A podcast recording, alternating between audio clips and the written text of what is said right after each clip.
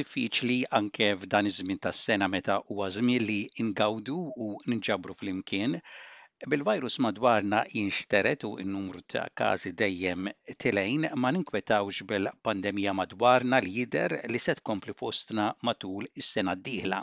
ma xtaqtx kieku nitkellem f'dan il-programm dwar il-virus imma bl-aħbarijiet u r-restrizzjonijiet dejjem jinbidlu importanti li wieħed isegwi l-aħħar żviluppi u bidliet. Bin-numru ta' infezzjonijiet issa l-enfasi li nieħdu l-booster tat-tilqima qed dejjem tikber. It-tabib Deborah Cromer tistudja l-imxija tal-mard infettiv bħal Covid-19 fl-Istitut Kirby fi New South Wales u tgħid li bil-booster nilħqu livell għoli ta' immunità jiġifieri li nkunu nistgħu nilqgħu għal virus imma dan bil-mod ibatti.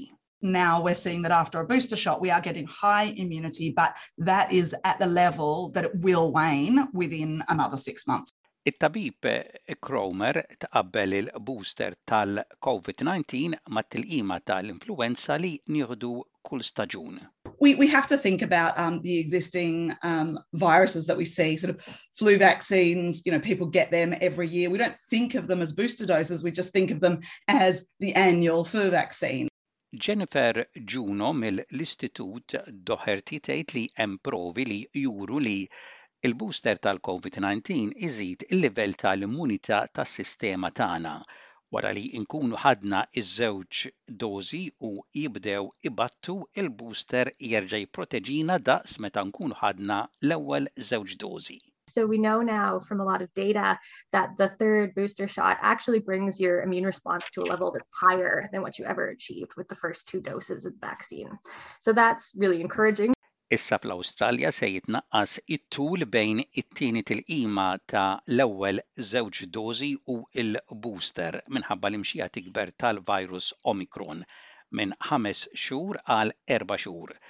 Il-Ministru tas-Saħħa Federali Greg Hunt jgħid li dan it-tnaqqis fiż-żmien meta jibda jittieħed il-booster jibda mill-l-Erbgħa ta' Jannar. B'hekk, seba' miljun u nofs persuna jkunu jistgħu jieħdu l-booster xahar qabel minn kif kien ippjanat.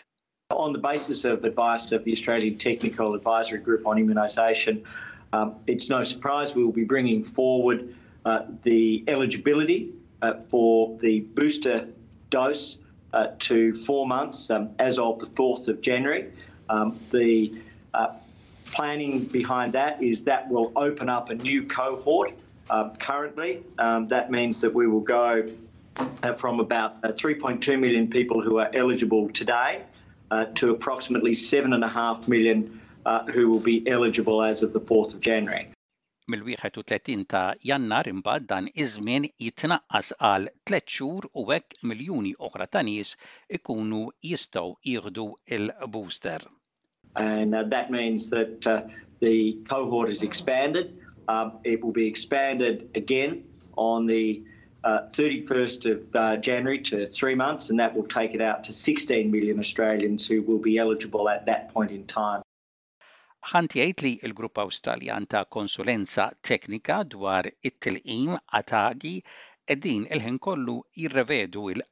il-pariri tagħhom skont provi internazzjonali.